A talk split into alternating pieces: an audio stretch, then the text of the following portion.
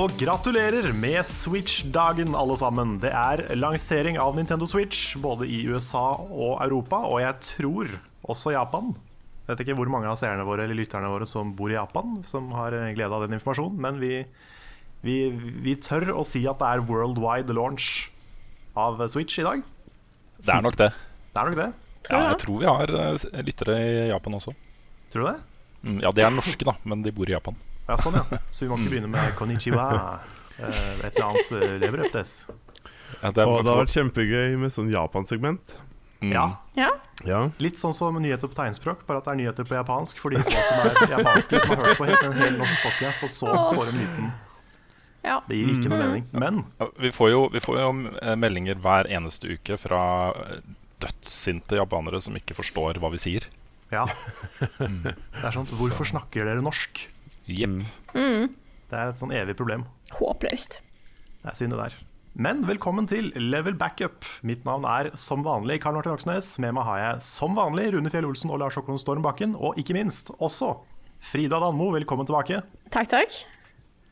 Vi, eh, vi har jo en sånn liten Vet ikke om vi kan kalle det en Nintendo spesial, men det er jo eh, dette er en podkast som kommer ut samme dag som Nintendo Switch, som nevnt. Eh, Vi sitter jo da på torsdag og spiller inn, så det er fortsatt én dag igjen for oss.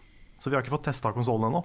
Men, eh, men vi kommer til å ha et sånn lite, li- lite sånn retrospektiv, kanskje. Snakke litt om Switch og snakke litt om Wii U. Og, og den slags. Men vi kan jo begynne der vi vanligvis begynner, og prate litt om hva vi har spilt i det siste. Ja. Er det noen som har lyst til å starte? Jeg, kanskje Frida skal starte? Jeg kan starte, jeg.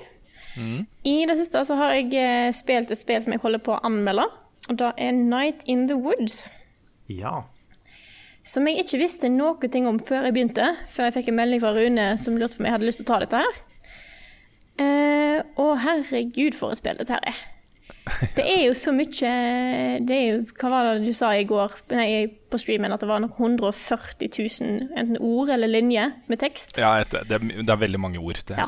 All the words, the best det er, words. det er mye, mye snakking mellom karakterer og sånt, men det er ikke sånn. Det er veldig interessant. Jeg eh, tror jeg begynner å nærme meg slutten. Så det Mhm. blir spennende å se hvordan eh, det går, dette her. ja, kult. Så kommer det en anmeldelse snart. Kult. Jeg begynte så litt på det i, eh, i går eh, natt. Ja. Da, jeg har ikke spilt så mye, jeg har spilt bare en times tid før jeg måtte, måtte gå og legge meg. Men det var, det var ganske mange måter det spillet klarte å liksom engasjere meg på med en gang. Altså. Det er veldig annerledes. Det er ikke Ja, jeg, har, jeg har liksom det er, det gøy at det er så mye karakterer, og så forskjellige karakterer og sånne ting. Og så utrolig bra dialog. Ja, det er så autentisk og virkelig skrevet. Og karakterene har ordentlige, reelle problem som en ofte møter på i en, uh, møter på i verden. Det føles ekte. Og Du sa at du ikke kjente så mye til spillet fra før, eller ingenting. Og da er det sikkert en del av lytterne våre som ikke gjør heller. Kan ikke du, du si litt om, uh, om gameplay? Altså hva slags type spill er dette her, egentlig? Ja, uh, jeg tror jeg vil definere det som et type eventyr, eller sånn utforskningsspill. Men det er ikke noe sånn det, det er veldig mye dialog og karakterfokus, da. Eh, en spiller som en liten katt, som heter May. Mae, skrives det. Jeg prøver å finne en god uttalelse på det. Eh, og så kommer du tilbake til eh, byen der du har vokst opp, og eh, snakker med familie og gamle venner og de som bor i byen, og så skjer det ting. Hmm. Så det er mye gå rundt og utforske, utforske byen og snakke med folk og Ja. Lære mer om, eh, lære mer om hovedpersonen og de andre karakterene. Det er, uh, dette er jo et spill som jeg hadde på min topp 20-liste som jeg lagde for 2017. Det er et spill jeg gleder meg veldig til å spille. Jeg har lasta den ned, jeg også. Ikke fått eh, begynt på det ennå. Det er så mye annet uh, spennende i maskinen min for tida. Mm. Men uh, gleder meg veldig til å få kikka på det. Altså. Ja. Mitt, uh, mitt førsteinntrykk er litt sånn at dette er en mer sarkastisk Life is Strange i 2D med kattepusser. Ja, Så det er, det er veldig sånn Jeg ble jo solgt med en gang. det er så koselig. Eh, og så får det, det får meg til å føle så mye. Så jeg har, litt, ofte, jeg har eh, fortsatt litt problemer med å sortere alle følelsene jeg har rundt eh, dette spillet. her, For det er jeg, jeg lever meg veldig inn i det. Selv om det er 2D med dyr med spagettiarmer og greier. Ja, ja. Ja, jeg vet, jeg vet hva du mener. Nå har jeg ikke spilt det like lenge som deg. Men uh, helt i starten så catcher de veldig den derre komme hjem til en by som har forandra seg-følelsen. Hvis du har eh, gått på skole og flytta hjem igjen, f.eks. Den følelsen der er liksom Den nailer det, da. Ja. Det er en følelse veldig mange kan kjenne seg igjen i. Alle kommer jo, eller De fleste kommer jo fra et sted. Eh, og det å reise, komme hjem igjen liksom, så mange, ja, de, de mange fleste kommer fra et sted. Ja, men ikke sant, som de ikke bor på lenger. og så kommer, sånn som folk som bor i Oslo, det er veldig få som er født og oppvokst i Oslo. Um, de kommer som regel fra et annet sted. Folk flytter jo gjerne på seg. Og den følelsen av å komme hjem igjen er veldig rar, altså. Ja, det er sant. Mange flykter jo fra hjemstedet, og så kan jo ikke komme seg bort derfra fort nok. Og særlig da er det kjemperart å komme, komme tilbake. Mm. Og så klarte jo uh, Night in the Woods å gi meg frysninger i løpet av de første ti sekundene. ja. Det, det imponerte meg. Jeg kan si her, jeg satt og grein av en scene i går. Oi, Ja. Det er må jeg spille noe, mer kjenner jeg. det er, det er noe spesielt, dette, altså. Og jeg var ikke forberedt. Kult. Nei, nå kjenner jeg at, jeg, at øh, jeg må få spilt det. Mm. Det er litt vanskelig å finne tid til det akkurat nå, disse ukene her. Det Litt andre ting som, øh, som skjer. Ja. Det er litt Ja, sånn det sånn- konsollansering og sånt. Mm. Og Horizon og Bloodborne og Jepp. Perma Destiny. Hermit Destiny, ja. Ja, er det noen som har lyst til å eh, ta over stafettpinnen? Jeg føler vel at vi bør fortsette med Horizon. Kanskje. Det kan vi gjøre. Um, nå har jeg fått anmeldt det. Uh, sist uke så um, Så hadde jeg jo ikke lagd anmeldelsen. Og jeg har spilt det mye mer uh, siden den gang. Jeg har kommet meg gjennom historien og driver nå og pusler med løse tråder, rett og slett. Gjør uh, side missions jeg ikke har gjort, uh, samler ting som jeg ikke har funnet, osv. Det er um, Jeg er veldig fornøyd med spillet. Jeg liker det veldig, veldig godt. Uh, og det er litt spesielt en ting som jeg ikke fikk fram godt nok i anmeldelsen. Um, vi hadde jo en liten sånn fram og tilbake på det fordi uh, jeg måtte gjøre den ferdig på mandag. For på tirsdag lager jeg Level Update, og på onsdag så kommer jo spillet. Så jeg skulle gjerne ha hatt en dag ekstra på den anmeldelsen også, fordi eh, det er på en måte to historier her. Det snakka vi litt om på streamen i går også. Um, den ene historien er jo om eh, eh, Også satt til present day i spillet, i det universet det foregår i. eh, Og forteller jo historien til Aloy, som er en jente som har blitt utstøtt fra stammen, og som har liksom eh, kommet litt tilbake i eh, varmen igjen og skal redde verden. Eh, og den andre historien er hva, hva som har gått galt med verden. Altså hvorfor uh, Hva var denne apokalypsen?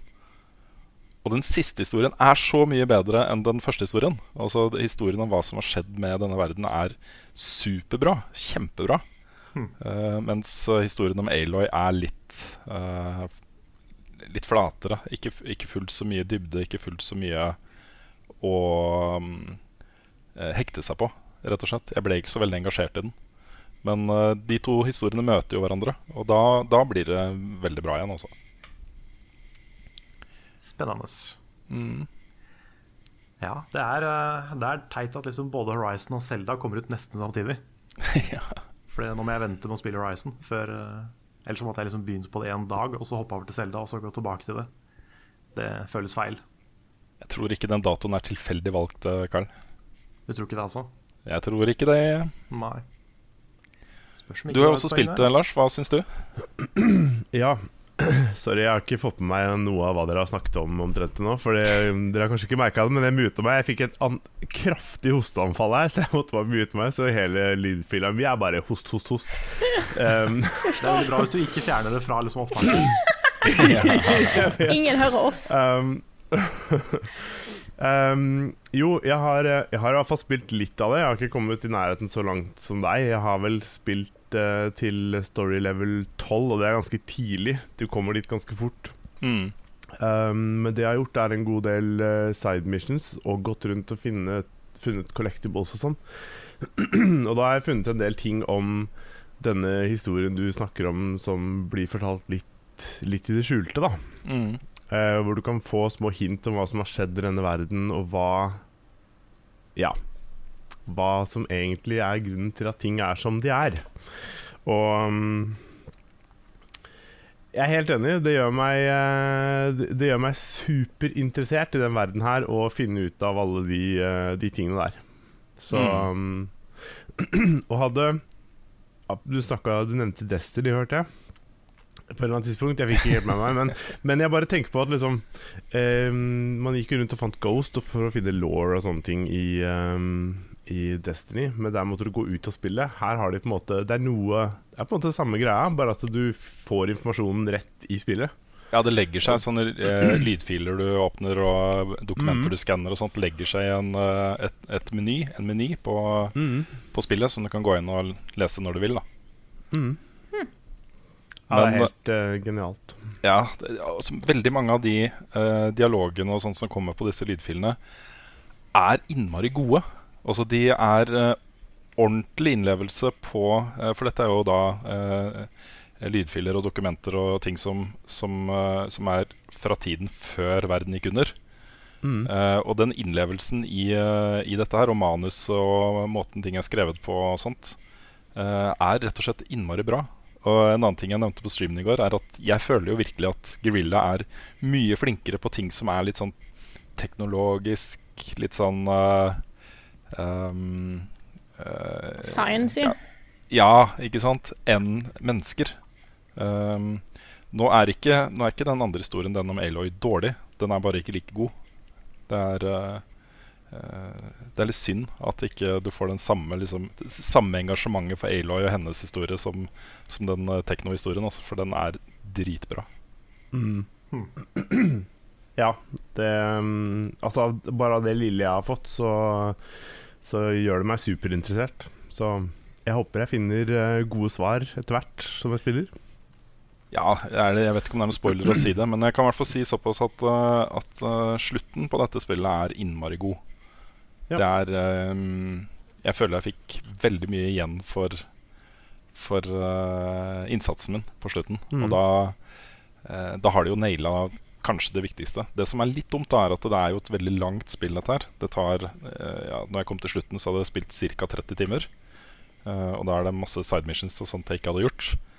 Det er en god chunk av dette spillet som føles litt sånn Veldig sandboxy. Også eh, veldig sjangerbundet. Ganske likt andre ting du har spilt i samme sjanger. Eh, og det setter seg liksom en følelse som varer ganske lenge, sånn type 10-15 timer, om at du bare tusler rundt og ikke får noe særlig progresjon. da Ok Tenker Eh, du på side missions nå, eller? ja, jeg tenker litt fordi du blir distrahert hele tiden, og sidemissionene er gode, liksom. Det, det føles ikke uh, som om det er bare fyllstoff. Det er ting du har lyst til å gjøre, det er ting som du får gode rewards for. Mm. Um, ikke minst dette med å gå opp i level for å kunne ta liksom et, eh, et eh, oppdrag, enten et sideoppdrag eller hovedoppdrag, med en eh, level requirement over den du har. da så, så du får hele tiden ting igjen for å gjøre det, men du tas litt bort fra den historieprogresjonen. Jeg, jeg tror at Hvis spillet hadde vært litt tightere, hvis det hadde vært litt mer fokusert i den midtchunken, som er ganske stor, så, så hadde jeg nok likt det enda bedre. Altså. Mm. Kanskje gjort side missions enda mer eh, valgfrie, på en måte. At du kunne heller gå tilbake etter at du hadde fulgt Storyquesten og eh, pusle med det. Ja. ja, men de er vel ganske valgfrie. Nå vet ikke jeg hvor relevant de blir for resten av historien, men jeg føler jo også samtidig at de side missionene jeg har gjort, de øh, Ja, de skaper litt sin egen historie, samtidig som de gjør den verden her litt mer levende. Jeg får et innblikk av hva, hva, som, hva det her består av. Så ja. Men hvis du, hvis du ikke gjør side missions, er du litt underlevela til hovedstoryen da, eller, eller er det greit, liksom? Jeg er ikke helt 100 sikker, fordi jeg har liksom hele tiden gjort noen side missions som har gjort at jeg har gått litt opp i level og, vært klar for uh, neste historieoppdrag uansett. Men uh, mot slutten så måtte jeg, måtte jeg gå og gjøre litt side missions for å uh, komme på nivå med level requirement. Ok. Så jeg, jeg tror det er meningen at du i liksom, et parti her skal gå ut og utforske og gjøre andre ting, liksom, bare for å eh, komme deg opp i level. Jeg tror Ja. det er poenget. Altså, jeg har blitt level eh, 30 bare av å gå rundt og utforske, og jeg er på level 12 i, i Story Mission, så jeg er ganske overlevela. Mm, det er du da. Yes, og jeg spiller på very hard, så um, yes. Jeg tror slutte, slutteoppdragene er- ligger på rundt level 30. Så du, Mm. du må komme deg dit da før du er eh, klar for det. Det er ganske vanskelig på slutten, så det er lurt å ikke være underlevela der. Altså. Nei, jeg tviler ikke. Jeg bare, har bare kost meg med det som har vært, jeg nå, Mm. i spillet. Kan du bytte vanskelighetsgrad underveis? Ja. Ja, det, det, ja, det, Ja, jeg har ikke sjekka det. det. med det. Jo, men du kan det. Mm. Det er, det er en meny in game, så kan du gjøre det. Oi, sånn, river jeg ned ting her. Um, faktisk så mye at jeg mister headsetet mitt. Nei, men uff da. Mm. Først så er Men, det hostekul hostekule, og så er det ting som raser fra veggene, Lars. Ja, ting Ja, går det er ikke så greit. Det er liksom på en måte Ting har gått, gått litt sånn nedenom og hjem i siste. For jeg har liksom PC-en min har på en måte tatt litt sånn kvelden. Så nå må jeg bruke Mac-en for å gjøre dette her og koble opp ting litt annerledes og sånn. Og, jeg bare, og hodet mitt er et helt annet sted, så mm, ja. Ja, du er litt uheldig, Lars. Jeg, jeg har tenkt på det flere ganger. At det er litt sånn Du har vært litt uheldig. ja. Shit happens. Er- Shit happens. Hva Det er heter det? helt, helt sant. Ja.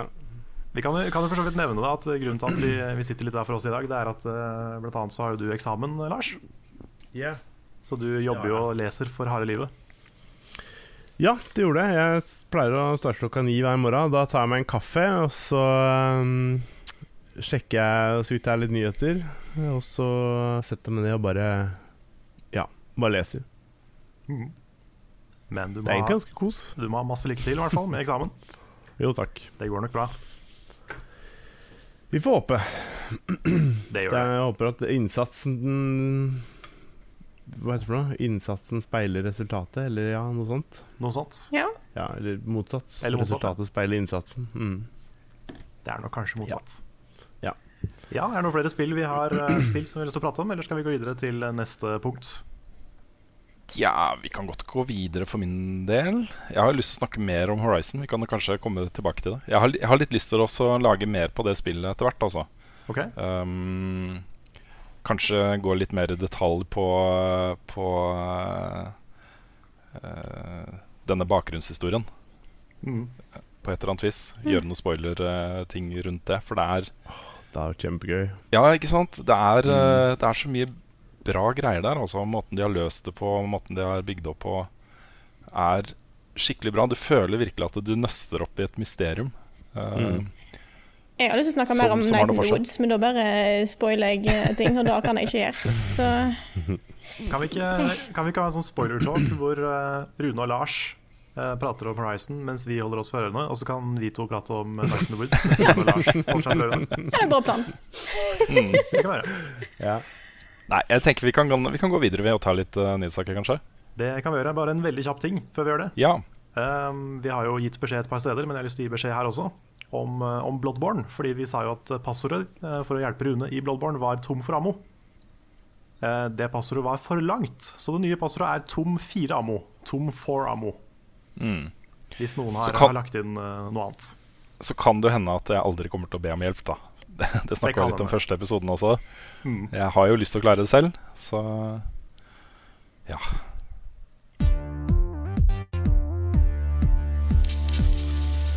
Ja, da er det nyheter.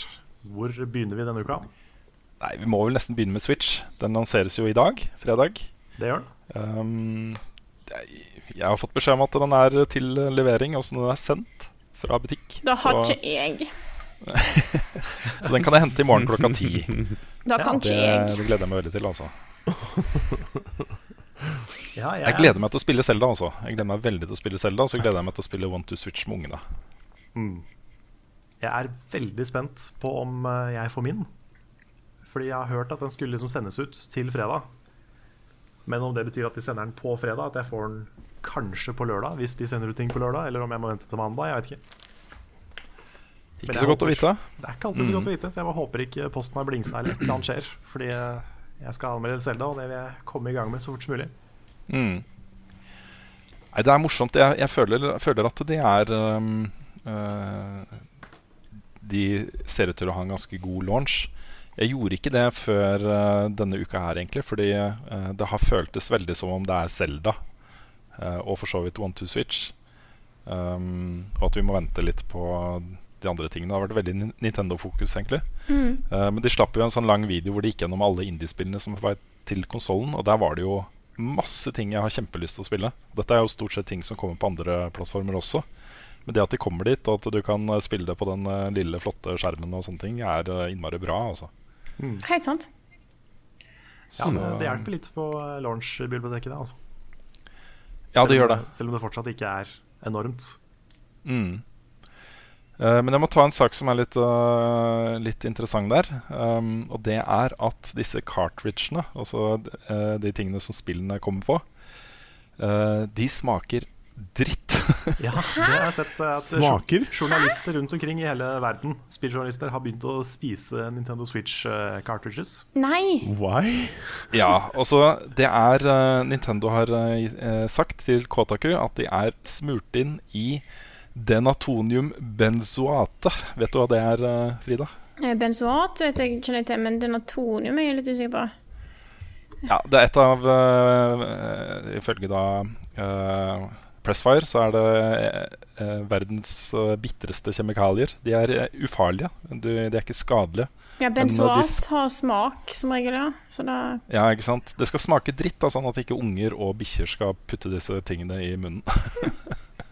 så Det er jo en fin tanke, for så vidt. Jeg syns det er kjempebra. det er veldig Ja. bra. Se her. The most bitter chemical Men- compound known. Men hva her. hvis du faktisk får det i deg? Det er ikke giftig. Nei, det er ikke giftig, så det skjer ingenting annet enn at det smaker dritt. Ok, Her står det en hel artikkel om uh, side effects av å få det i seg. Oh, ja. Vet du hva? Så jeg vet ikke. Folkens. Nintendo innadvendt altså, ved et uhell har klart å forgifte en hel generasjon med barn. Hva om, jeg, hva om jeg søker opp oh, sikkerhetsdatabladet på dette her? Så kan, det. kan vi få avklart dette her først som sist. Men det er jo en ting vi har snakka om litt før også. Disse små eh, kortene. De er jo uh, små, Er små. eh, som Mm. sagt. De er veldig små. Og jeg har jo sånne eh, 3DS-spill overalt. I skuffer og mellom andre ting og bortgjemt og bak eh, bøker og De ligger liksom Mm. overalt. Jeg har ikke noe system på det i det hele tatt. De blir bare borte. Mm. Så um, eh, jeg syns det, det er fint at de i hvert fall ikke havner i magen til barna mine. Det, Ja, men det er bra. Nå har de funnet en løsning på hvordan de forhåpentligvis ikke skal få folk til å spise det. Har de funnet en løsning på hvordan, liksom, hvordan finne det igjen? Er det en, kanskje det skulle vært sånn tracker på alle sammen? Skulle de laste ned en app, Mm. så kan du på en måte søke deg fram til dem? Ja, Jeg vet ikke. så er det liksom Pokémon Go, bare at isteden så finner du Switch-spillene dine. Mm. Mm. Jeg så hvor latterlig små de var. Det er jo helt Altså, jeg hadde rota bort de glatt. Det er SD-kort, er det ikke det? Basically. Jo, men de er jo mye mindre enn det. Er de enda mindre enn det? Er det ikke Um, mikro-SD? Mikro-SD X, XS eller Jeg husker ikke hva det heter. Det er såpass, da. Ok. Ja, de er bitte små. Ha, Ja. Um, riktig. ja. De er vel hakket mindre enn um, vanlig SD-kort. Mm. Ja, det blir nok For min del så blir det nok mye digital nedlasting. Kommer til å kjøpe et uh, ganske svært minnekort. Det største jeg finner. Mm. Samme her. Jeg så for øvrig en, en greie. Det var en som hadde en sånn pokeball, hvor han satte de cartridgene til eh, switchen oppi. Så lukka den igjen, og så var alle spilla inni den. Ah, ja. Så Fancy. mm. Jeg har jo klart å få det til med de der um, plastdingsene som man har i skjortekraver. Der har jeg en egen, egen liten boks som jeg legger de i. Så de, det var også sånne ting som alltid ble borte. Noen av det er jo til og med gjennomsiktig, så det kunne jo ligge på gulvet uten at jeg visste hvor det var. Så jeg skal jo få det til hvis jeg bare engasjerer meg litt i å finne et system på det. Det er jo mulig. Det er jo teoretisk mulig å ha orden på de små kortene også. Ja da. Jeg tror vi skal, vi skal få det til. Det meste Det er er jo litt dyrere spill enn 3D-spill, så kanskje det er sånn motivasjonen til å ikke miste dem. Mm. OK, jeg har funnet fram eh, sikkerhetsdatablad eh, på denatoniumbenzoat. Hvis du har det i rent stoff, hvis jeg har en, en flaske med rent eh, den- denatoniumbenzoat, så vil jeg ikke putte det på øynene eller smørt utover huden. Eh, Og der står det at symptomer hvis du får i deg dette her, er at det smaker bittert, og at du kan begynne å kaste opp, sikkert fordi det smaker grusomt. Og, mm. Men uh, ikke noe sånn spesielt uh, skummelt. Bare sånn Du trenger ikke, det ikke, du trenger ikke ha på deg uh, spesielle klær eller noe som helst når du skal ta på det heller. Så dette er ikke, det er ikke skummelt. Folk kommer ikke til å bli sjuk av å ta på eller spise på cartridge. Så tenker jeg altså Når du først liksom har begynt å smake på den, og for å finne ut Du fortsetter antageligvis ikke å sutte på den her tingen heller, så det er vel eh, Nei, sant. Så det, det viktigste da, det, det dere som hører på, absolutt ikke må gjøre, det er å smelte switch cards og putte dem i øyet. Ja. Ikke putte på øynene. Ja, Husk det. det, folkens. Ja. Ja, for all del, husk det. Kanskje ikke sitte og gni de små eh, cartridgene på øyet heller. Ja, det sto bare 'may cause eh, skin, eh, skin irritation' eller eh, Å nei, ikke få det på øynene. Ikke smelt det ned og få det på øynene. Det er ikke bra. Vi kan jo teste det på neste livestream. Ja. Det kan vi gjøre. Vi kan putte switch i øyet. Nei. Nei, vi, vi dropper det. finne noe substitutt for det, så er det bare å prøve. Ja Jeg er litt spent på hva vi får med av spill jeg, til Switch, for vi bør jo anmelde noe mer enn bare Zelda. Mm. Jeg, Så vi får ta en liten gjennomgang av det når du får pakka det. Det får vi gjøre. Jeg tror muligens det bare er Selda som følger med i den pakka. Kanskje det kommer noen digitale koder for andre ting. Ja, det er mulig. Fordi det er i hvert fall de amerikanske som har fått. De har ikke fått One to Switch, blant annet. Nettopp. Så rart. Det er visst ingen som har fått det før launch. Ja. Så det er Det er snodig. det er rart. Det er Ja. jo ikke alltid et godt tegn, det. Men det er jo et veldig spesielt spill. da Det er et partyspill. Mm, det er det. Så hvem vet hva som er motivasjonen bak det.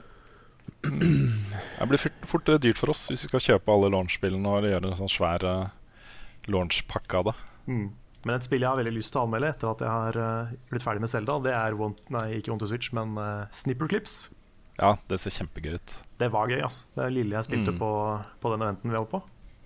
Det var eh, utrolig oppfinnsomt og kult. Jeg har snakka om det før, men eh, det har jeg lyst til å se mer på. Mm. Egentlig så burde vi kanskje prøve å få spilt det sammen.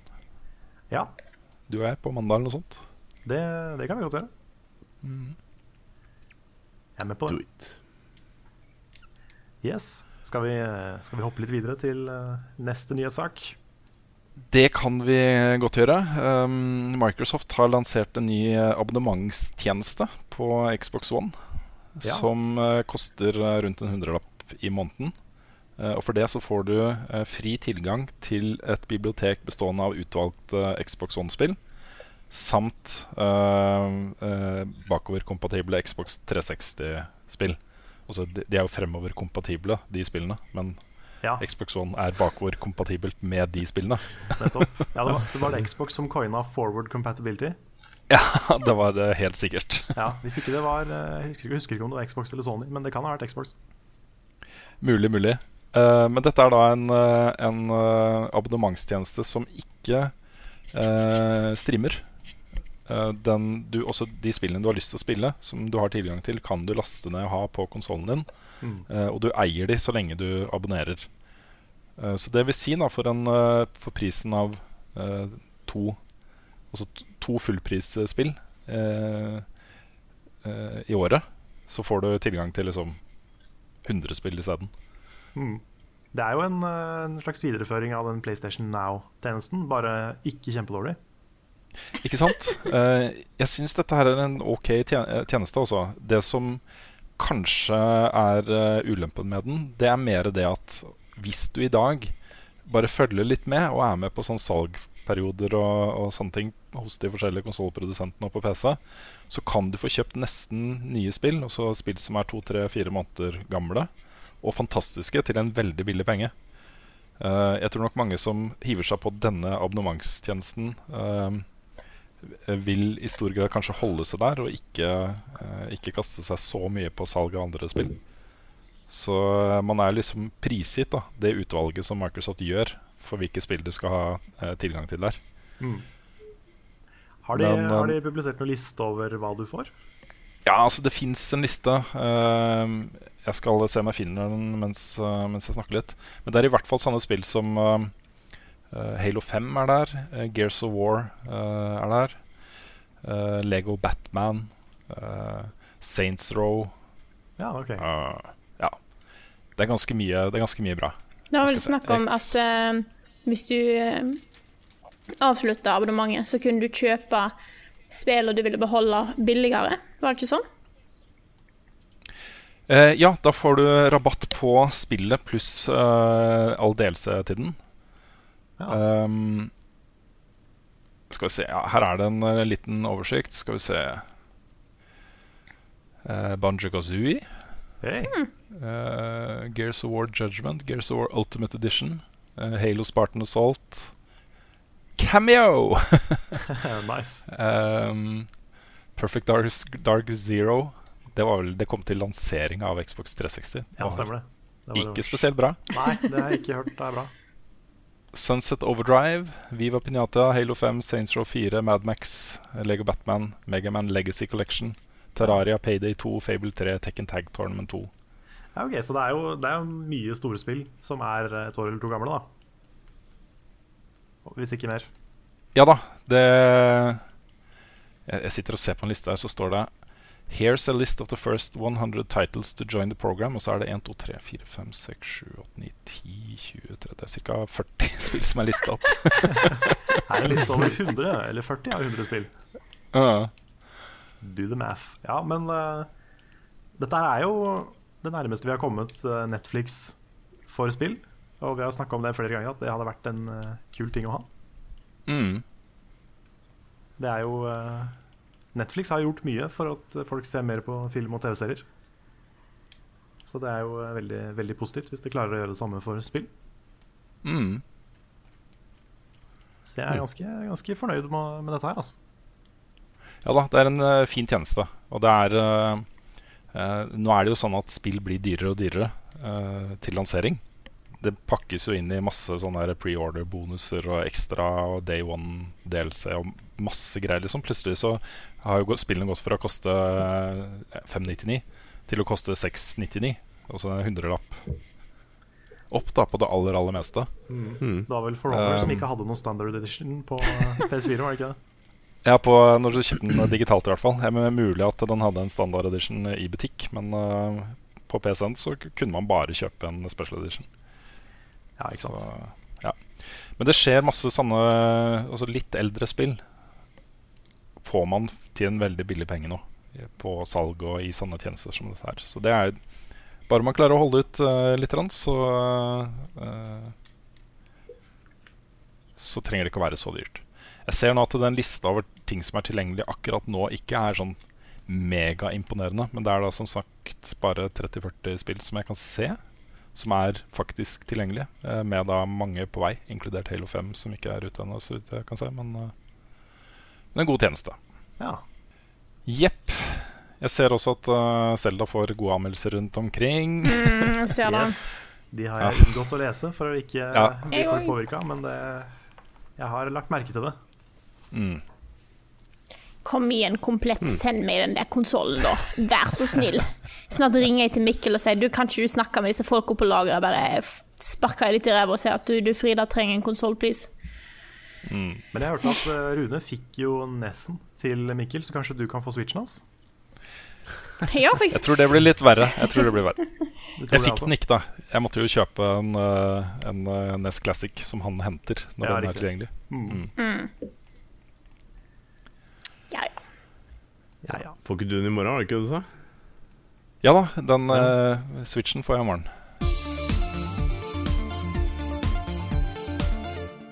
Vanligvis er det her vi kjører et eh, over til eh, spørsmål og svar.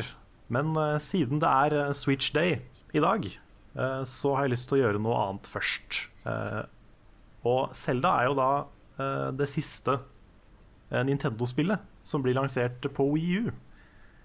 Så det at dette er, dette er bursdagen til Switch, eller fødselsdagen til Switch, det betyr også at dette er begravelsen til Wii U. Nå kommer det ikke noe mer på Wii U. Eh, kanskje ever. Og konsollen er vel da eh, offisielt ferdig, sånn sett. Så jeg tenkte det man, det man vanligvis gjør i begravelser, det er jo å si fine ting. Og kanskje reflektere litt over gode minner og sånne ting. I hvert fall hvis man kutter bort alle delene med salmer og Gud og sånn. Så er det det man gjør i begravelser. Så jeg tenkte vi kunne gjøre det. Litt sånn, uh, Prate litt om hva som er våre beste minner med Wii U. Ja. Har, har du lyst til å begynne, Rune? Um, eh, skal man, hvor, hvor eh, sakrale skal man være? Er det, er det lov til å være kritisk, eller eh, er det bare, bare positive minner nå? Nei, altså hvis du, vil, hvis du vil være han i begravelsen som sier noe stygt om de døde, så kan det godt være det. Altså. det, er, det er Jeg har, jeg har, veld, jeg har veldig, veldig sansen for, for uh, eh, minneordene, uh, minneordtradisjonen i Storbritannia. Har dere sett noen uh, britiske eh, sånne eulogies, minneord, i avisene Nei. og sånt? Nei. Nei. Der er det et uh, uttalt poeng at de skal være dønn ærlige. Så hvis personen var alkoholiker, så skal de si at han var alkoholiker. Men da sier de det gjerne på en litt sånn uh, kjærlig måte, hvis man kan si det på den måten. At uh, han drakk som en svamp og var ofte uh, sovna ofte i fortauet. Men uh, også veier det opp da med noe positivt. ikke sant? Ja, sånn, ja. Litt sånn Eh, jo- ofte veldig veldig morsomme. Også de tar, eh, de tar et, eh, et mer sånn ærlig, uh, sannriktig tverrsnitt av livet til personen. Jeg anbefaler virkelig folk å lese noen britiske minneord. Altså. De er eh, ofte fantastiske, særlig de som er for ganske kjente personer i Guardian og sånne ting. Ok, ja. Det er bare å sette i gang. Ja, kjør på. Um, nei, for det første så, så er jeg jo um, veldig glad for at vi har en uh, giga uh, spillprodusent og konsollprodusent som uh, går sin egen vei, og som prøver så godt de kan å både tilgjengeliggjøre spill for mange og å gjøre nye, nye ting. da, Altså innovere. Eh, introdusere nye måter å spille på uh, og følge opp det med hardware. Og Sånn sett så er jo Wii U eh, kanskje litt en forlengelse av, av Wii. Ikke så revolusjonerende som Wii var, men det at du kunne bruke den gamepaden på de, de måtene du kunne bruke den, er jeg veldig glad for. Jeg er veldig glad for at det fins noen som ikke bare skal liksom graphics og Mm. technology, men tenke gameplay. Og der er, eh, har Nintendo alltid vært innmari gode, og det var de også med Wii U. Så eh, jeg må si at det er både litt trist for at den ikke ble bedre tatt imot, uh, men samtidig så er jeg også i den gruppa som ikke helt tok den til mitt bryst.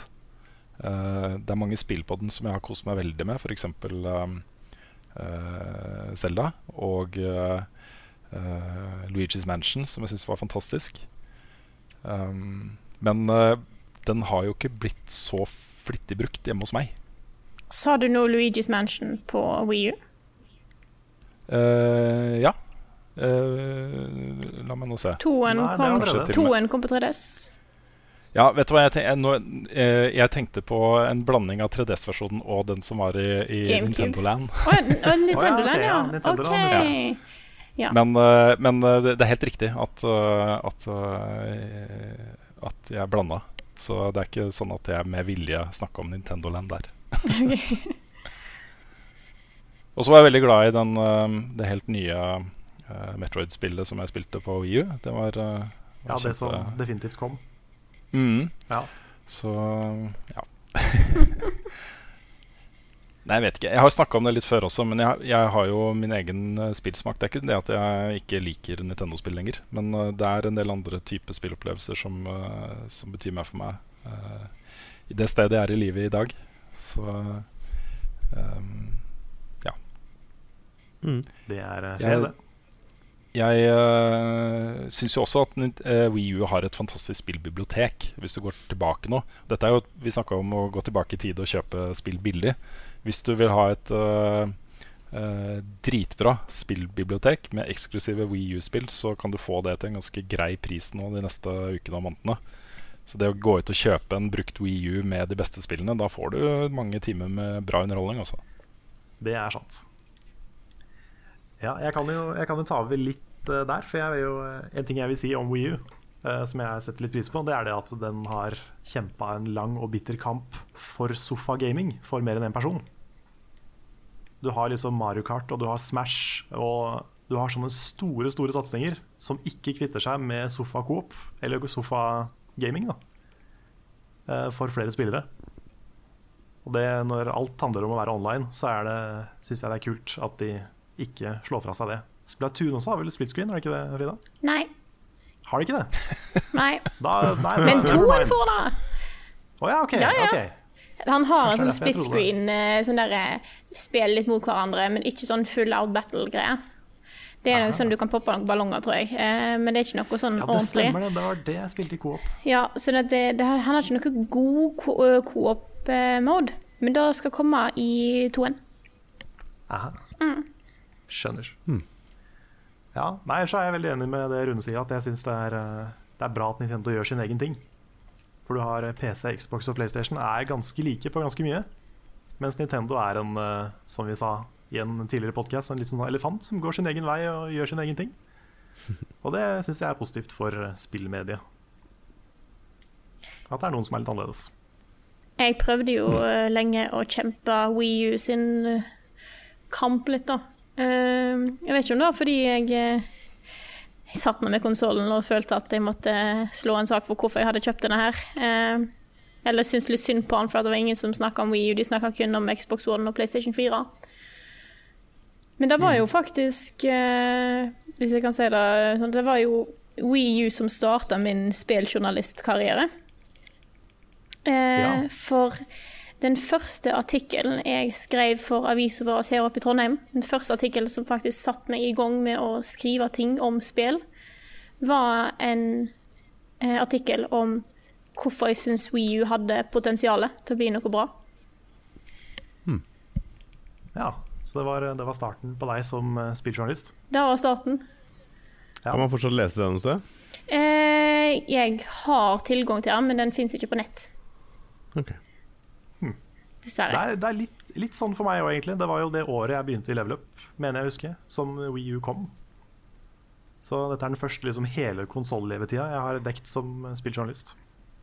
Hmm. Så ja, fikk litt sånn forhold til Wii U ut, ut, ut fra det òg. Jeg har jo kost meg veldig mye med den konsollen opp gjennom tida, selv om det ikke var så veldig mye spill på release. Og det har tatt litt tid mellom de store eh, satsingene, da. Men det er jo, når jeg ser tilbake på det, så er det så mye bra der. Det er Pikmin 3, Bajonetta 2, Splatoon, som var en fullstendig ny satsing for Nintendo å, gå, liksom, å ha. Så jeg tror Wii U har hatt ganske mange solide spill. Mm. Så jeg har, Ja, å, jeg har ikke lyst til å glemme den helt ennå. Nei, for meg så er Wii U på en måte GameCube 2. For den også solgte relativt dårlig eh, sammenligna med de andre. Og eh, fikk bare en litt sånn lunken mottakelse, men eh, jeg er veldig glad i den likevel. Den har liksom noen utrolig bra spill.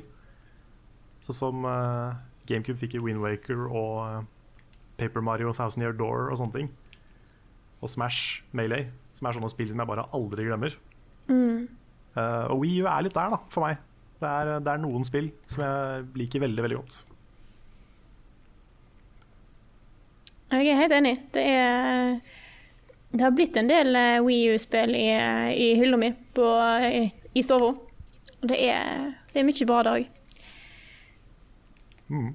Så det er en eh, Jeg syns han har gjort, hatt et bra liv. Selv om han aldri var helt i toppen. Nei, det er først og fremst de siste åra som det har vært veldig, veldig lite, syns jeg. Så De siste to-tre åra så, så har det kommet veldig lite spill på Wii U. Men eh, Men det virker som de har hatt fokus på Switch, da. ja da. De, har, de ga jo opp Wii U ganske tidlig. Mm. De så vel at eh, 3DS-spill solgte bra i Japan, og de har fokusert mye der. Og der er det jo På 3DS er det mye å ta tak i, men Wii U har vært litt dødt. Det har det. Mm. Det siste liksom ordentlig store Nintendo-spillet vi fikk, var vel egentlig Paper Mario Color Splash. Ja. Det er Det det. var jo veldig, veldig kos, det. det jeg prøver å finne ut hva jeg har anmeldt på Wii U de siste tida, men det er jo det er Paper Mario, og så er det Xenoblade året før der igjen. Mm. Men eh. Donkey Kong Country Tropical Freeze er også et veldig, veldig bra spill. Har jeg ikke prøvd.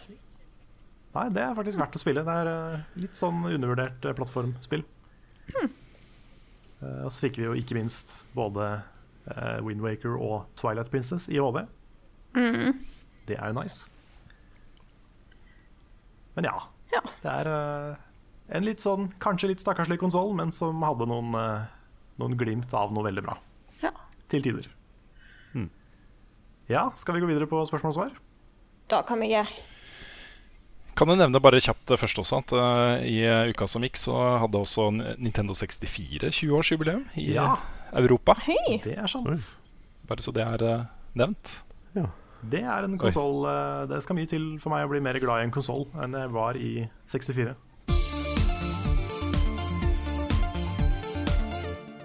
Da er det spørsmål og svar. Og Rune har et spørsmål å starte med. Ja, vi må starte med dette her. Vi kunne kanskje tatt det enda litt tidligere i podkasten også. Eh, men det er fra eh, Erik Gjelde på Patron. Han har to spørsmål. Eh, det første er om vi kan informere alle Patron-backerne eh, om, om passordlekkasjen Cloud Bleed.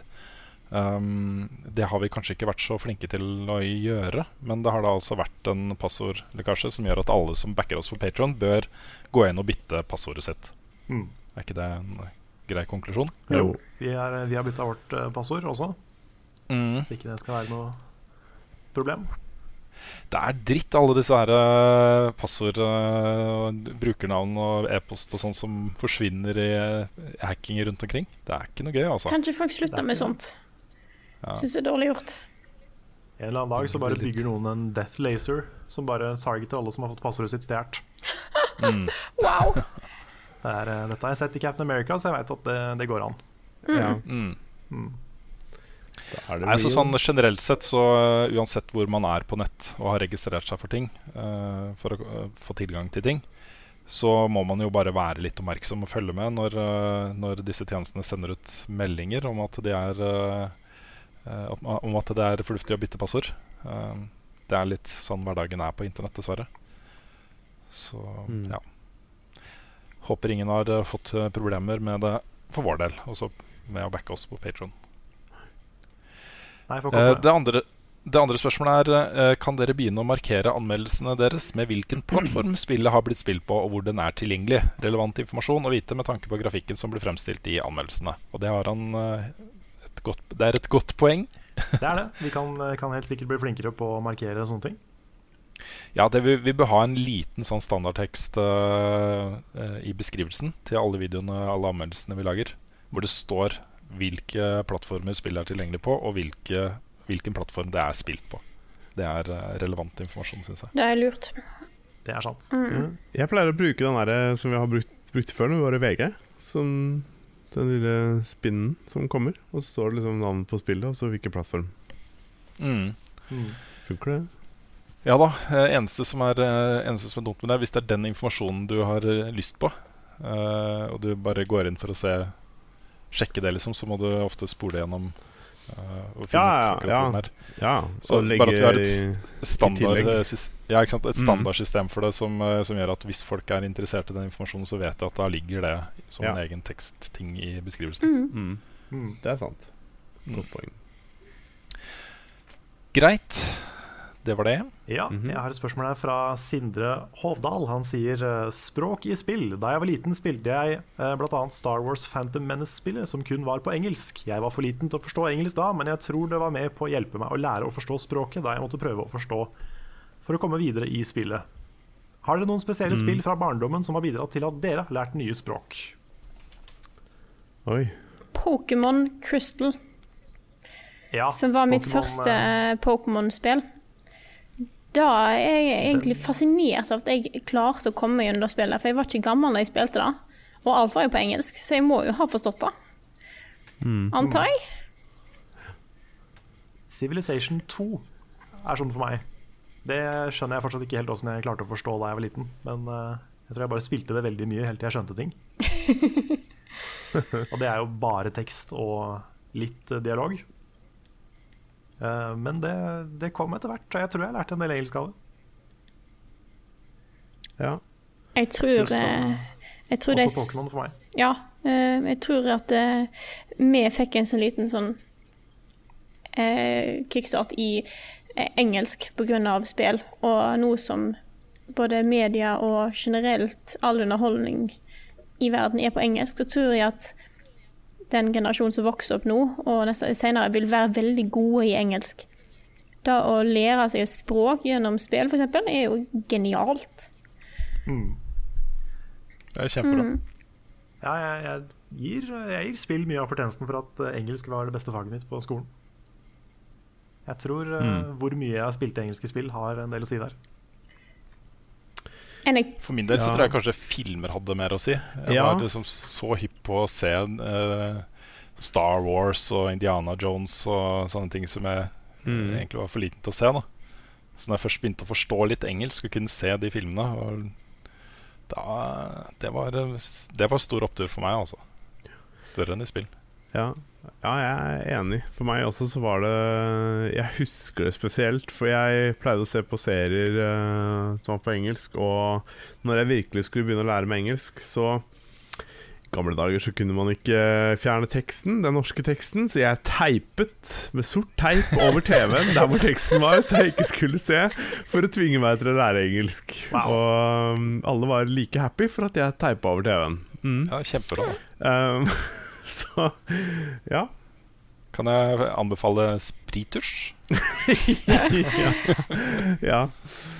Um, ja, nei ja, men det gikk bra. Det var liksom Det var den metoden jeg valgte å gjøre det. Husker jeg. Det var uh, Det funka, da. Ja, så lenge det funker. Ja. Ja. Så mhm. Yes. Har noen et eh, spørsmål på, på lur? Ja, jeg har et, uh, har et uh, bra her eh, fra Christian Granmo Franzén på Patreon Han skriver Hei gutter, parentes, tar en råsjans på at det, er, at det bare er dere tre faste som er der i dag. Er så gærent kan det gå, Christian. Ja, det det var i ikke ta sånne råsjanser. Eh, men han skriver i hvert fall Jeg spiller The Last Guardian nå og var forberedt på at det var bra, men at det hadde noen irritasjonsmomenter som kamera og framerate. Jeg stortrives med spillet, selv om jeg merker meg de tingene kritikere, bl.a. Rune, hadde å utsette på spillet, men jeg tar meg selv i å tenke at jeg kanskje ikke ville lagt merke til disse tingene i det hele tatt hvis jeg ikke hadde lest om dem på forhånd. Akkurat det samme skjedde med Final Fantasy 15 før jul, men da hadde jeg forhåndsbestilt og leste ingenting før etter at jeg hadde spilt i mange timer. Så snart jeg leste om hvor dårlig mange synes kart og fast travel var, begynte jeg å irritere, irritere meg over det. Ikke før. Tenker dere noen gang at kritikeres mening kan ødelegge for en spillopplevelse? Du blir jo gjort oppmerksom på noe som du kanskje ikke ville lagt merke til i så stor grad. Og med en gang du har fått vite at det er mange som syns at dette her var et problem, så begynner du å lete etter det. Mm. Ja, du blir ganske oppmerksom på Ja. Det er sånn. Og ofte, ofte så er det på en måte narrativet rundt et spill eh, fester seg litt. Også hvis, hvis veldig mange sier at det er my mye sånn tekniske greier i The Last Guardian, så blir det en del av det spillet er for folk, liksom. Det er det folk f f forbinder med det. At veldig mange har sagt at, at uh, det er litt knotete kontrollsystem, f.eks. Det er ikke Mm. sikkert det betyr, uh, betyr like mye for alle, men i og med at alle snakker om det, så blir det på en måte en greie allikevel. Ja. Det er et poeng, det der. Altså, jeg tenker veldig på, på Zelda-serien. For uh, der går det jo veldig sånn i bølger. Det er veldig rart. Sånn som uh, Windwaker. Det var et spill som alle hata da det kom, pga. hvordan det så ut. Og så gradvis så ble det et spill som folk var veldig glad i, som nå er liksom kanskje sett på som et av de beste. Og så uh, kom Skyward Sword, som alle digga i starten. Og så har det gått litt tid, og nå liksom eh, den, den public meningen har liksom skifta til å bli veldig negativ til Skyward Sword. Og det virker som folk på en måte påvirker hverandre da, i, eh, Mm. i diskusjoner Mm. til å liksom endre helt mening på spill. Mm.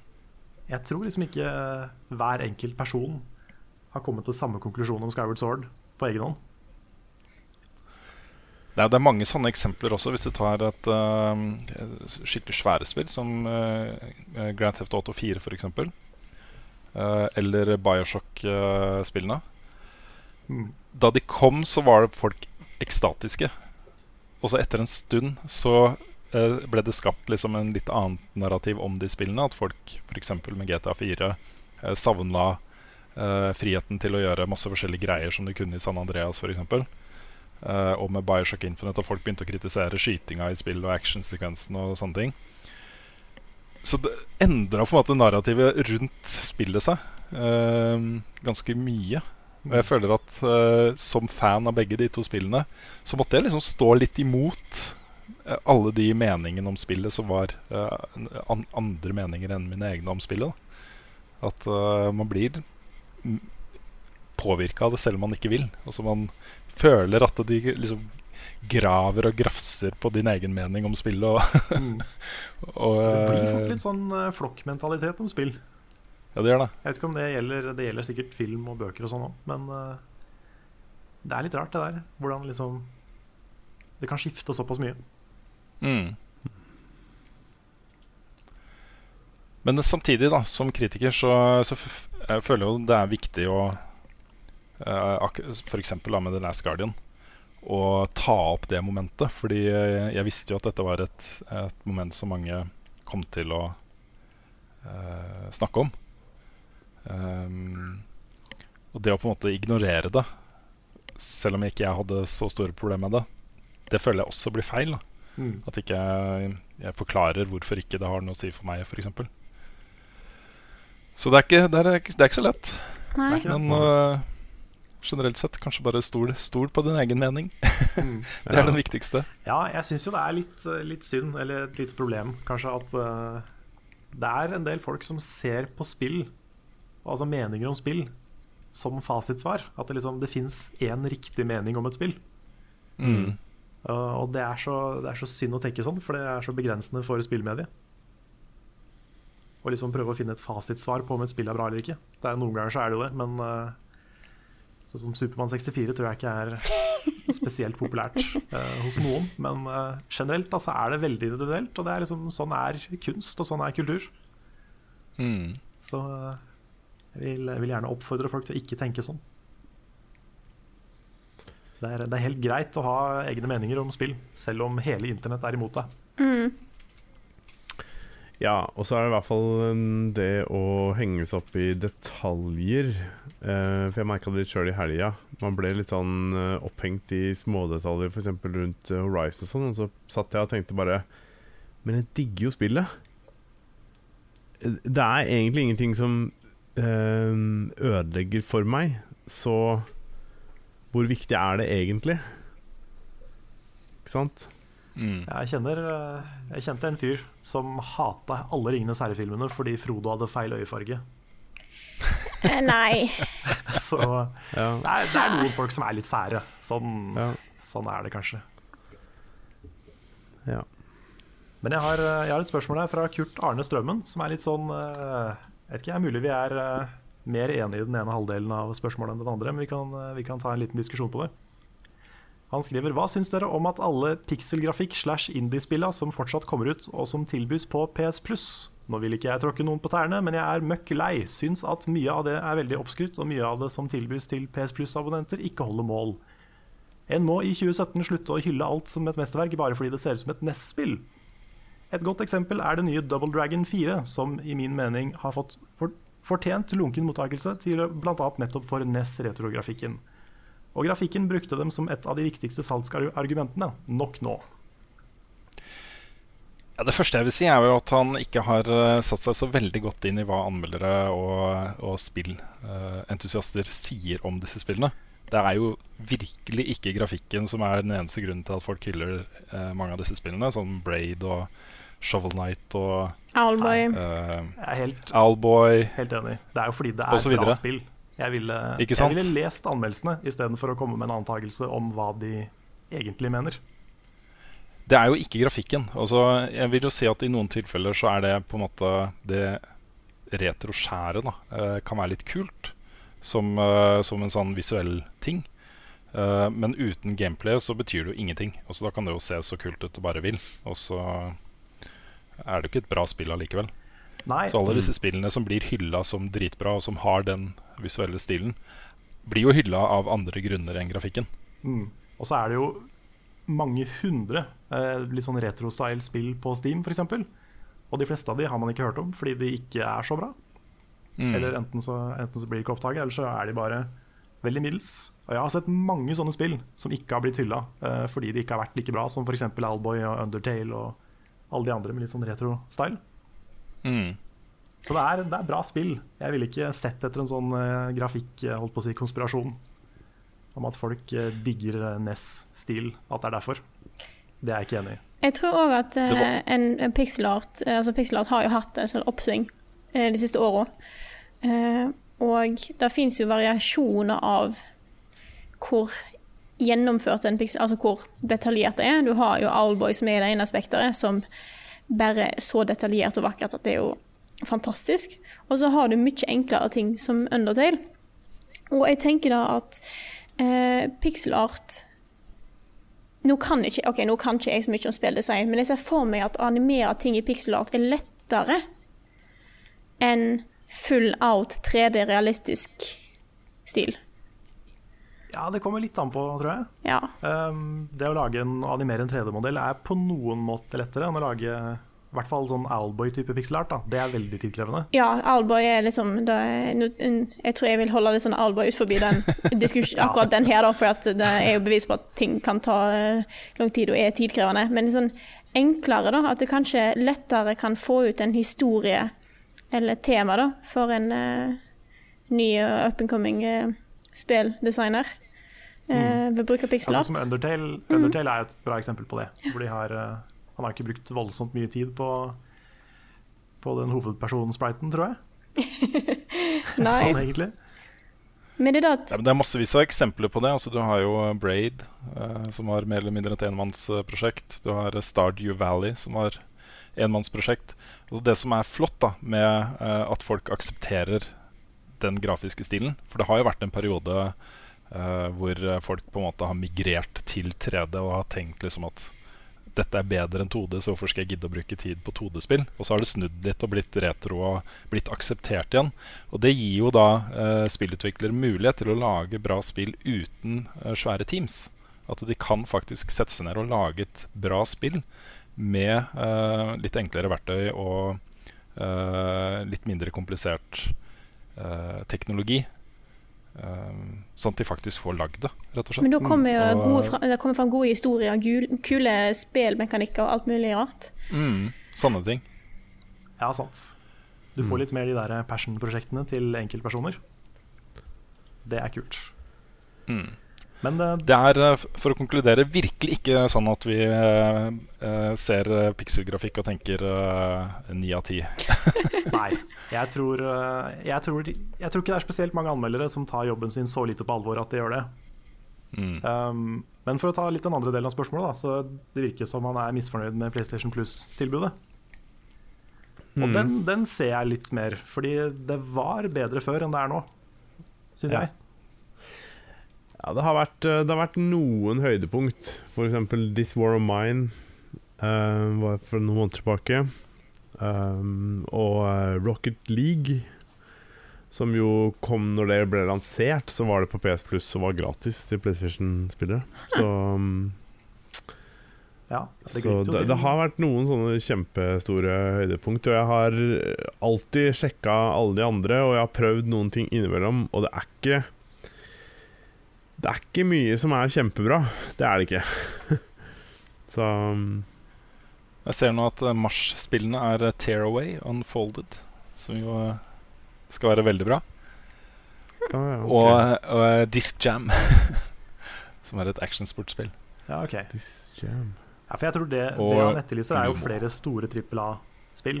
Eh, Mm. Og det var jo mer av det før. Sånn som Infamous husker jeg var der. Eh, flere Little Big Planet-spill. Det er kanskje ikke så lenge siden vi fikk et Little Big Planet på Ja, var ikke det en PlayStation Plus for litt siden? jeg Jo, jeg tror det var i januar eller februar. Jeg lurer på om Eh, treeren eller noe sånt. Little Big var- Planet 3. Ja, stemmer. Mm. Men det var, jo, det var jo flere sånne trippel A-spill i starten. Så akkurat den, den ser jeg. Jeg skjønner at du liksom At du vil ha mer av det. I hvert fall når Xbox har overgått PS Plus en del av de månedene. Også Grunnen til at eh, det ikke kommer flere, det er akkurat det vi snakka om i stad. At eh, tilbudsmarkedet for spill har blitt ganske stort. Eh, du har julesalg og sommersalg og special discounts og uh, whatnot. Mm. Eh, så der publisherne ønsker, også tjener ganske godt med penger på de salgperiodene. For da er på en måte umiddelbare salget er, etter lansering har falt. Eh, og så kommer det en ny boost. Selv om prisen er lavere, så tjener de fortsatt ganske godt med penger på det salget. Da. Eh, og da vil de jo ikke gi det bort gratis. så Uh, Big Planet 3 er faktisk på Det er fortsatt på PS Plus. Ah, ja, har det kanskje ikke skifta over, da. Nei, det tar litt tid inn i måneden før de bytter. Ja, det gjør kanskje uh, ja. Det pleier alltid å være litt sånn De kommer med hva som kommer i neste måned, og så husker jeg ikke nøyaktig hvilken dato eller hvilken dag det er, men um, uh, Ja, er det tirsdag eller onsdag de pleier å gjøre det? Nå ble jeg litt Kanskje det. Ja. Det kan Det er noe sånt. dag de gjør det. Mm. Um, Første onsdagen i måneden eller noe sånt. ja. Nå var jo det strengt tatt i går, da, men um, Men uh, ja, jeg vet ikke. Det har i hvert fall pleid å komme litt inn i måneden. Um, Mm. mm. For min egen del, av det jeg betaler for i, i um, PlayStation Plus, det er muligheten til å spille online. Og så ha en dedikert online-tjeneste. Ja. Primært. Det er ikke det å få tilgang til gratis spill. Det er en litt spesiell situasjon i og med at vi får en del tilsendt og sånne ting. Men jeg bruker fortsatt en del av mine egne penger på kjøp av spill, altså. Så Mm. Ja. Ja, nå er det vel sånn 50-50 for min del. At halvparten av spillet vi anmelder, kjøper vi Eller kjøper jeg sjøl. mm. Ja, Skal du spille online, så har du faktisk ikke noe valg. Du må jo kjøpe det. Du må det. får du ikke spilt Da med venner eller noe. Så, Etter et år. mm. Ja, men gud, det, det der, ass Ja, Det er en helt egen diskusjon, men derfor får du jo bare låne spillet i en måned. Så jeg vet ikke, jeg. Nei, den, den tjenesten er Jeg håper den er billigere. Nå husker jeg ikke helt prisen i farta. Nintendo sin er ganske billig. Ja, ok. For det, det hjelper jo litt. Hvis den er mye billigere enn eh, Xbox og PlayStation. Ja. Jeg har et eh, spørsmål her fra Håvard Olsen. eh, Arendals store sønn. Yes. Eh, han skriver at han straks er ferdig med Ready Player One og trenger desperat noe nytt å fylle tomrommet med. Har dere noen bokanbefalinger litt i samme gate? Oi. Og det er en stund siden jeg har vært sånn lesehest, men jeg tenkte i hvert fall å minne Håvard og alle som er glad i Ready Player One, på at uh, uh, Ernest Klein, som har skrevet den boka, er jo ute med en ny bok som heter Armada. Som er, uh, som er i samme gate. den eh, tar for seg popkultur og spill og teknologi og science fiction og, Ja. og sånt. Filmrettighetene til den er også solgt. Eh, Ready Play One blir jo film, regissert av eh, Steven Spielberg. Ja, det gleder jeg meg til. Og så har han også skrevet en bok som heter 'The Important of Being Earnest'. Som er en slags selvbiografi, etter det jeg har fått med meg. Jeg har ikke lest noen, verken 'Armada' eller uh, Importance, 'Importance of Being Earnest'. Men hvis du er glad i Ready Play One, så er i hvert fall det to greie steder å starte. Hva var det du sa han het? Ernest Klein. Ja, det var det. For det er ganske morsomt med da, altså navn Ernest. Er ikke det også et annet navn for liksom at du er liksom ærlig? Jo, eh, Eh, altså, det er Du bruker det som en sånn Ja. Mm, Ernest er ærlig.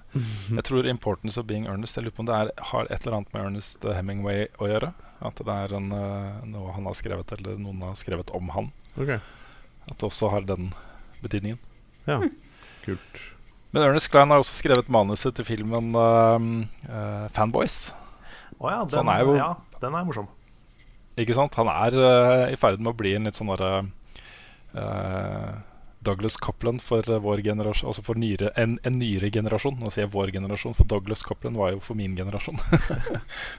Men for, en, for deres generasjon, kanskje. Ja, du kan få lov å ta være for seg popkultur. hvis du vil, Rune. Ja. Kan det det? Ja. Tusen takk. Du er velkommen, altså. Men han setter liksom fingeren på uh, popkulturpulsen på en eh, måte som kanskje ikke så mange andre klarer like bra. da Mm. Jeg husker Fanboys var veldig autentisk. Det var sånne små Mm. ting. Det var, det var Jeg husker det kom ut litt før liksom den der store eksplosjonen av sånn veldig detaljert geek-kultur. mm. Eh, med sånne små detaljer som at de spilte Nintendo 64 for eksempel, mens de venta på episode 1. Episode 1. Det syns jeg var uh, kult. Mm. Det viser liksom at her er det folk som har gjort litt research, og de er, uh, det er litt ekte for dem. Mm. Det husker jeg digga. Mm. Jeg ser det har kommet uh, noen spørsmål om Crispy Duck. Etter min lille Lille Hva heter det? eksplosjonen i forrige podkast. Din Ja, lille crispy duck-orgasme i studio i forrige uke. Ja, funny, ja. Altså, Johan Martin Sæland lurer på hvor videoanmeldelsen av Crisp Duck er. Uh, den som skal jeg skal se om jeg finner um, Finner den andre her. Imens kan jeg ta Jeg fant eh, prisen på Nintendo Switch Online eh, Service. Sånn litt, i hvert fall. Eh, Nintendo-presidenten Tatsumi Kimishima har sagt at den skal koste mellom 2000 og 3000 yen. Det vil si en plass mellom 17 og 26 dollar, som er rundt halvparten av Xbox Live Gold og PlayStation Plus. Mm. OK. ok. Da, da er jeg litt mer forgiving på det, kjenner jeg. Ja, Ja, det er vel 200 kroner, fornuftig. Ja. Mm. Hvis den Jeg er- ser hvis den er René Olsen skriver uh, René Olsen spør uh, Skulle du si noe mer om det? Eller Nei, bare hvis, uh, hvis den tjenesten er bra og stabil og funker, så er det greit. Mm. Mm. Ja. Agreed. Uh, men jeg ser René Olsen, som har et veldig kult navn. Ja. René Olsen, Rune Olsen, Ja. kjempebra. Mm. Lurer på om kona ble imponert eller skuffa over at du hadde kjøpt Crispy Duck. Eh, og var det nesten det samme som på restaurant? Jeg ehm, eh, Jeg lagde jo middag fordi ungene går på sånne ting etter barnehagen et par dager i uka. Eh, så kona jobba seint og henta da ehm, eh, ungene. Og kom hjem, og da var liksom Crispy Duck var ferdig. så, så hun ble jo kjempeglad eh, for at jeg hadde gjort det. Men da må jeg jo også legge til at jeg hadde sendt henne en melding før jeg gikk i butikken og spurte om det var greit at jeg kjøpte det. Ok. Nei, jeg var kjempefornøyd. Jeg, jeg syns det smakte kjempegodt. Ja, det var Um, digg, ikke sant? Ja da. Det, det, fikk, det, det ga meg liksom lyst til å faktisk eh, prøve å lage det fra bunnen av. Mm. Så, for jeg tror det er uh, Vi slapp jo opp for, uh, for lefser Ja. Eh, før kjøttet var tomt. Ja. Så det er jo en sånn typisk ting som blir bedre av å kjøpe inn uh, disse lefsene for seg selv, f.eks. ja. Men, uh, men det er seriøst. Jeg er veldig veldig glad i det. Og jeg, det er liksom uh, Den koreanske varianten hvor du pakker det inn i salatblader, er også veldig veldig godt. altså Men Det er denne kombinasjonen av, av stekt andekjøtt og hoisinsaus som tiltaler meg. Mm. Forstår den, altså. And er Ja, det er godt. Og så skal det jo ekte crispy duck skal jo lages av pekingand, som jo må tilberedes i 24 timer. Mm. Jeg har hatt noen sånne fantastiske middager i Tokyo. Det er en uh, kinesisk uh, kjede der. Uh, som er veldig billig og veldig De har mye plass. da veldig, Alltid mye folk der, og stort. Og det, Greia deres er at de har sånn erotisk kunst på veggene. Så gjerne bak gardiner og sånt. Så hvis du tar, tar liksom et lite avlukk i veggen, tar du bort gardinen, og så er det to sånne um, figurer som holder, har seg med hverandre bak der, liksom. Ganske morsomt. Men der bestiller du da 24 timer i forveien minst at du skal ha crispy duck. Uh, og så kommer de da, triller den anda bort til bordet. Og så begynner de bare å tilberede den på forskjellige måter. Noe av det blir crispy duck, eh, noe blir andre ting, liksom. Det er uh, fine matopplevelser, altså. Nice. Ja, Verdt å prøve. Uh, jeg har et spørsmål her fra Hilde Granmo som jeg syns var veldig bra.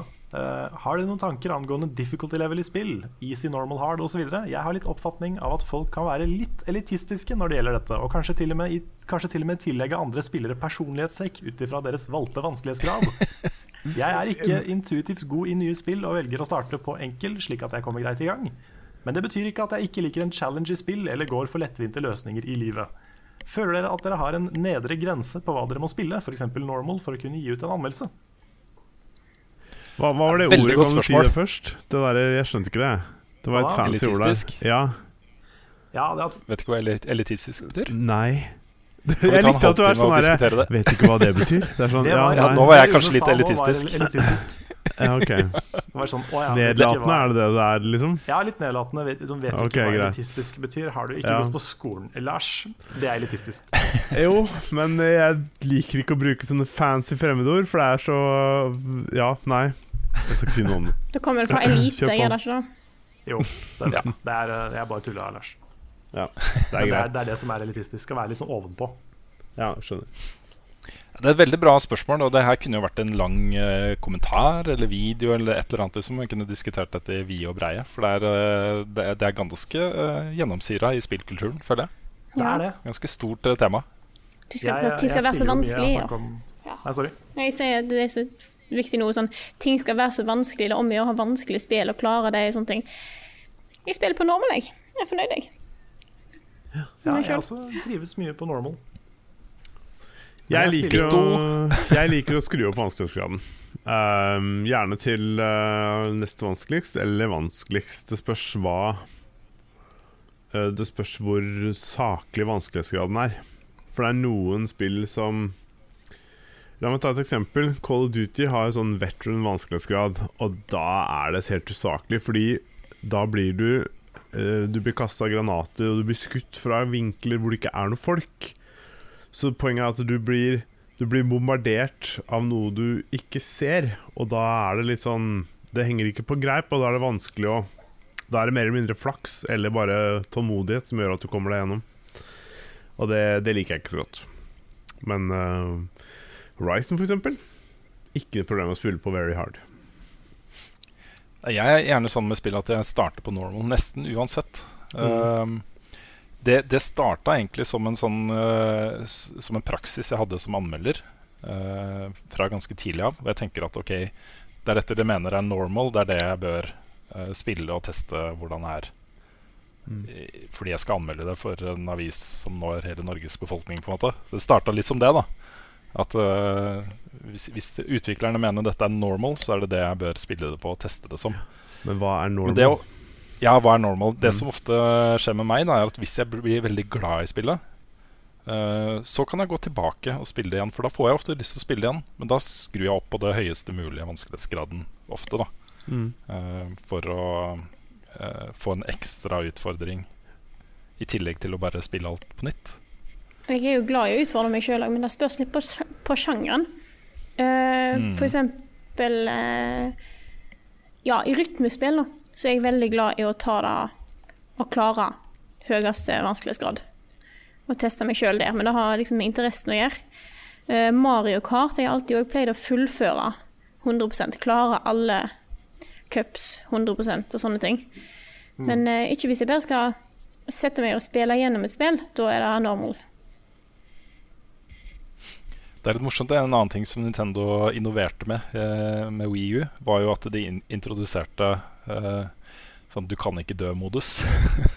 Hvor du fikk eh, i var vel i New Super Mario Bros. Ja, jeg tror, det kom, Eh. jeg tror det kom enda tidligere. Jeg tror det var i eh, Det begynte vel på Wii, tror jeg. Ja, det gjorde det kanskje. Med Mario Galaxy Jeg husker ikke om det var i eneren, men det var i hvert fall i toeren. Ja, tror det, kan var i nummer det. én òg, faktisk. Mm. Ja, hvor det rett og slett er sånn Hvis du bare har lyst på dette som en opplevelse, så kan du bare velge det, og så dør du ikke. Da kommer du deg gjennom spillet uansett. Å nei, da tenkte jeg feil. Da, det var ikke i nummer én, tror jeg. Nei, jeg lurer på om Nei. det var bare i uh, Galaxy 2. Mm. Var det ikke sånn at det kom en boble rundt deg hvis du døde, og så ble du bare frakta videre over den utfordringa og plassert der? Var det ikke sånn det funka? Det var 3D World. Jeg tror det, Ja, det var jeg tror det du får i Galaxy, er en sånn her uh, udødelighetsgreie. Ja, nettopp. Jeg, jeg syns jo det er innmari bra, fordi en av de uh, største baugene for folk når det gjelder det å komme inn i spillmediet, er jo at de uh, Du må på en måte være innafor for å klare disse spillene. Bare det å forstå hva håndkontrolleren gjør, og hva de forskjellige knappene gjør, og hvordan man forholder seg til en virtuell verden og sånne ting, er, det er ikke så lett som, uh, som alle vi som har spilt i mange, mange år, tror, altså. Folk syns det er vanskelig. Mm. Og hvis du eh, Hvis du da sier at spillet er ikke noe for meg, fordi jeg forstår ikke en håndkontroller f.eks., så går du jo glipp av noen helt fantastiske underholdningsopplevelser som kanskje hadde vært noe for dem hvis de bare hadde eh, brukt tid på å lære seg, eller, eller hatt en mulighet da, til å spille gjennom uten å være redd for å dø hele tiden. Mm. Ja, det er, det er helt sant. Og jeg, synes, eh, jeg husker veldig godt den der eh, reaksjonen som kom. Når det var, jeg tror det var en dame i Bioware som foreslo at eh, hvis du vil, så burde du ha muligheten til å kunne skippe gameplay-seksjoner på samme måte som du kan skippe cutscenes. Og den der voldsomme hatreaksjonen som kom mot henne, det syns jeg var litt synd. Altså, det synes jeg for det første veldig synd, fordi hatreaksjoner er ikke bra i det hele tatt. Men sånn at det er så kontroversielt å foreslå noe sånt, syns jeg er litt rart. da Jeg synes det er sånn du, du trenger jo ikke å skippe gameplay hvis du ikke vil. Nei, hvis du har lyst til å spille på en høyere vanskelighetsgrad, så gjør nå det, da. Ja, det, liksom, det, det jo Ikke vær sur på de som ikke vil. Nei, det skader jo ikke deg at hvis f.eks. jeg har lyst til å skippe den der ene dritkjedelige missionet i femte gjennomspilling av Mass Effect, så er det fint å ha muligheten til det, liksom. Mm. Så jeg ville vært litt mindre skeptisk til sånne ting. Det er greit at ikke det er noe for deg, men kanskje det er noe for andre som ikke har spilt like mye, men som har lyst til å oppleve noe kult. Mm. Jeg er veldig glad i også å sette seg selv på prøve, men uh, ikke så veldig glad i å kreve at alle andre skal gjøre det. Nei. Det er litt interessant i, i Souls-communityen, fordi den er veldig 50-50. Hvor halvparten er sånn veldig positiv, veldig hyggelig. Og alt handler om liksom Det er sitatet fra Dark Souls 1, 'Jolly Cooperation', med han Solaire-fyren som er sånn der eh, Praise the Sun-dude, hvor alt er bare hyggelig og koselig. Og nå skal vi ut på eventyr og drepe monstre og kose oss. Og den delen er veldig hyggelig. Men så har du samtidig den der litt elitistiske, litt sånn kjipe uh, Git Good-gjengen. Som bare skal liksom brife om uh, hvor gode de er, og hvordan de blir bedre mennesker fordi de er så sykt gode i Souls. Og de er jeg ikke fullt så sansen for, kjenner jeg. Nei. Det er uh, ja, altså For all del, vær veldig stolt av at du klarer å runde et Souls-spill, og vær, vær, fornøyd med det, men ikke, ikke vær nedlatende mot andre, liksom. Don't be a douche Nei. about it. Ikke vær douche about it, rett og slett. Nei. Don't be a dick. Vi lagde jo det som uh, buttons vi, i VGTV. Det stemmer, det. Du, du bestilte noen sånne buttons. Jepp. Hvor det bare står 'Don't be a dick'. Ja. Det er noe i det. Men jeg altså. syns jo det er veldig fint når, når uh, de legger inn vanskelighetsgrad i spill. Um, så syns jeg det er veldig um, At det er veldig bra. Det, kommer, det er noen som sier vanskelighetsgrader som er um, dårligere gjennomført enn andre. Hvor jeg mener liksom at fienden får sånn usaklig auto-aim på deg og skyter deg før, de, før du har sett dem, liksom. Men um, det gjør jo at man kan velge den challengen man vil ha selv, da. Mm. Og for meg som liker å spille på litt høyere vanskelighetsgrad, så får jeg litt sånn Det gjør at jeg Det tvinger meg til å gå litt saktere frem. Jeg, får, jeg nyter mer av spillet, uh, på en måte. da Føler jeg, da. Ja. Jeg er helt enig. Samtidig så er jeg litt glad i, den, eh, i det at Souls ikke har en vanskelighetsgrad. Mm. Fordi da, da Det er sier de liksom her er spillet. Uh, hvis, du, hvis du vil, så kan du prøve å overkomme dette her, liksom. Og hvis du klarer Mm. det, så føles det dritbra. Um, men dette er spillet, liksom. Så jeg, jeg liker begge deler. Det er eh, det, det, kan, eh, det kan gjennomføres bra, enten man har Ja. eller ikke har vanskelighetsgrad. Mm. Men der syns jeg det er veldig fint når de setter eh, Når, de, når spillutvikleren klarer å lage en vanskelighetsgrad som er på å si, både vanskelig og lett. Skjønner du hva jeg mener? Altså det, det går an å lære seg dette her og mestre det. Og det, det er dette de vil at du skal mestre, og det er ikke umulig å klare det. Det handler bare om å, om å komme opp på den på riktig mestringsnivå, og da Ja. Mm. Også, Det er jo gjerne spill som har levels, og sånt, sånn som Destiny f.eks. Mm. Hvor du kan spille et strike på mange forskjellige levels. Helt fra liksom uh, folk som akkurat har starta, helt opp til at du må være nesten maks level for å i det hele tatt ha en sjanse til å komme deg gjennom. Ja, så har jo Souls også har jo en veldig sånn eh, Det er mange som har argumentert for at de har en veldig dynamisk vanskelighetsgrad, hvor du kan liksom velge å spille det ikke lett, men lettere. Hvis du f.eks. bruker masse summoning og kaller inn folk til å hjelpe deg, Mm. så får du en mye mykere tur gjennom et Souls-spill, f.eks. Og det er jo Ja. fint at den Mm. muligheten er der. Absolutt. Det er det. Selv om jeg er sta og velger å ikke bruke den som regel, så er, det, så er jeg glad for at den er der.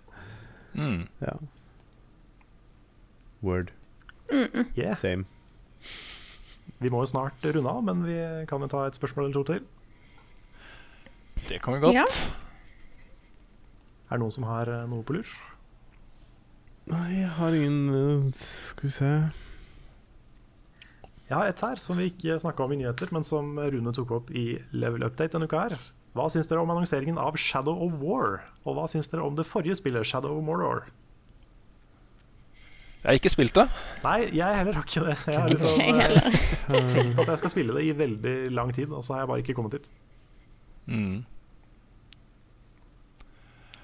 Ja. Så det var jo et fint spørsmål du valgte der, Rikard. Ja, Ja. ikke sant? Jeg hadde liksom håpa at Emas hadde spilt Shadow of Mordor, men det har vi ikke. Nei. Det er også litt tilbake til det vi snakka om i stad, hvor eh, for 'Ringenes herre' var jo the shit for noen år siden. Mm. Alt, alt med 'Ringenes herre' var jo dritkult. Mm. Den har jo lagt seg litt nå. Det er ikke, det er ikke gitt at ting blir en salgssuksess uh, fordi det er lagt til Middle-earth lenger. Så det er jo enda strengere krav nå enn enn, uh, da Shadow of Mordor kom.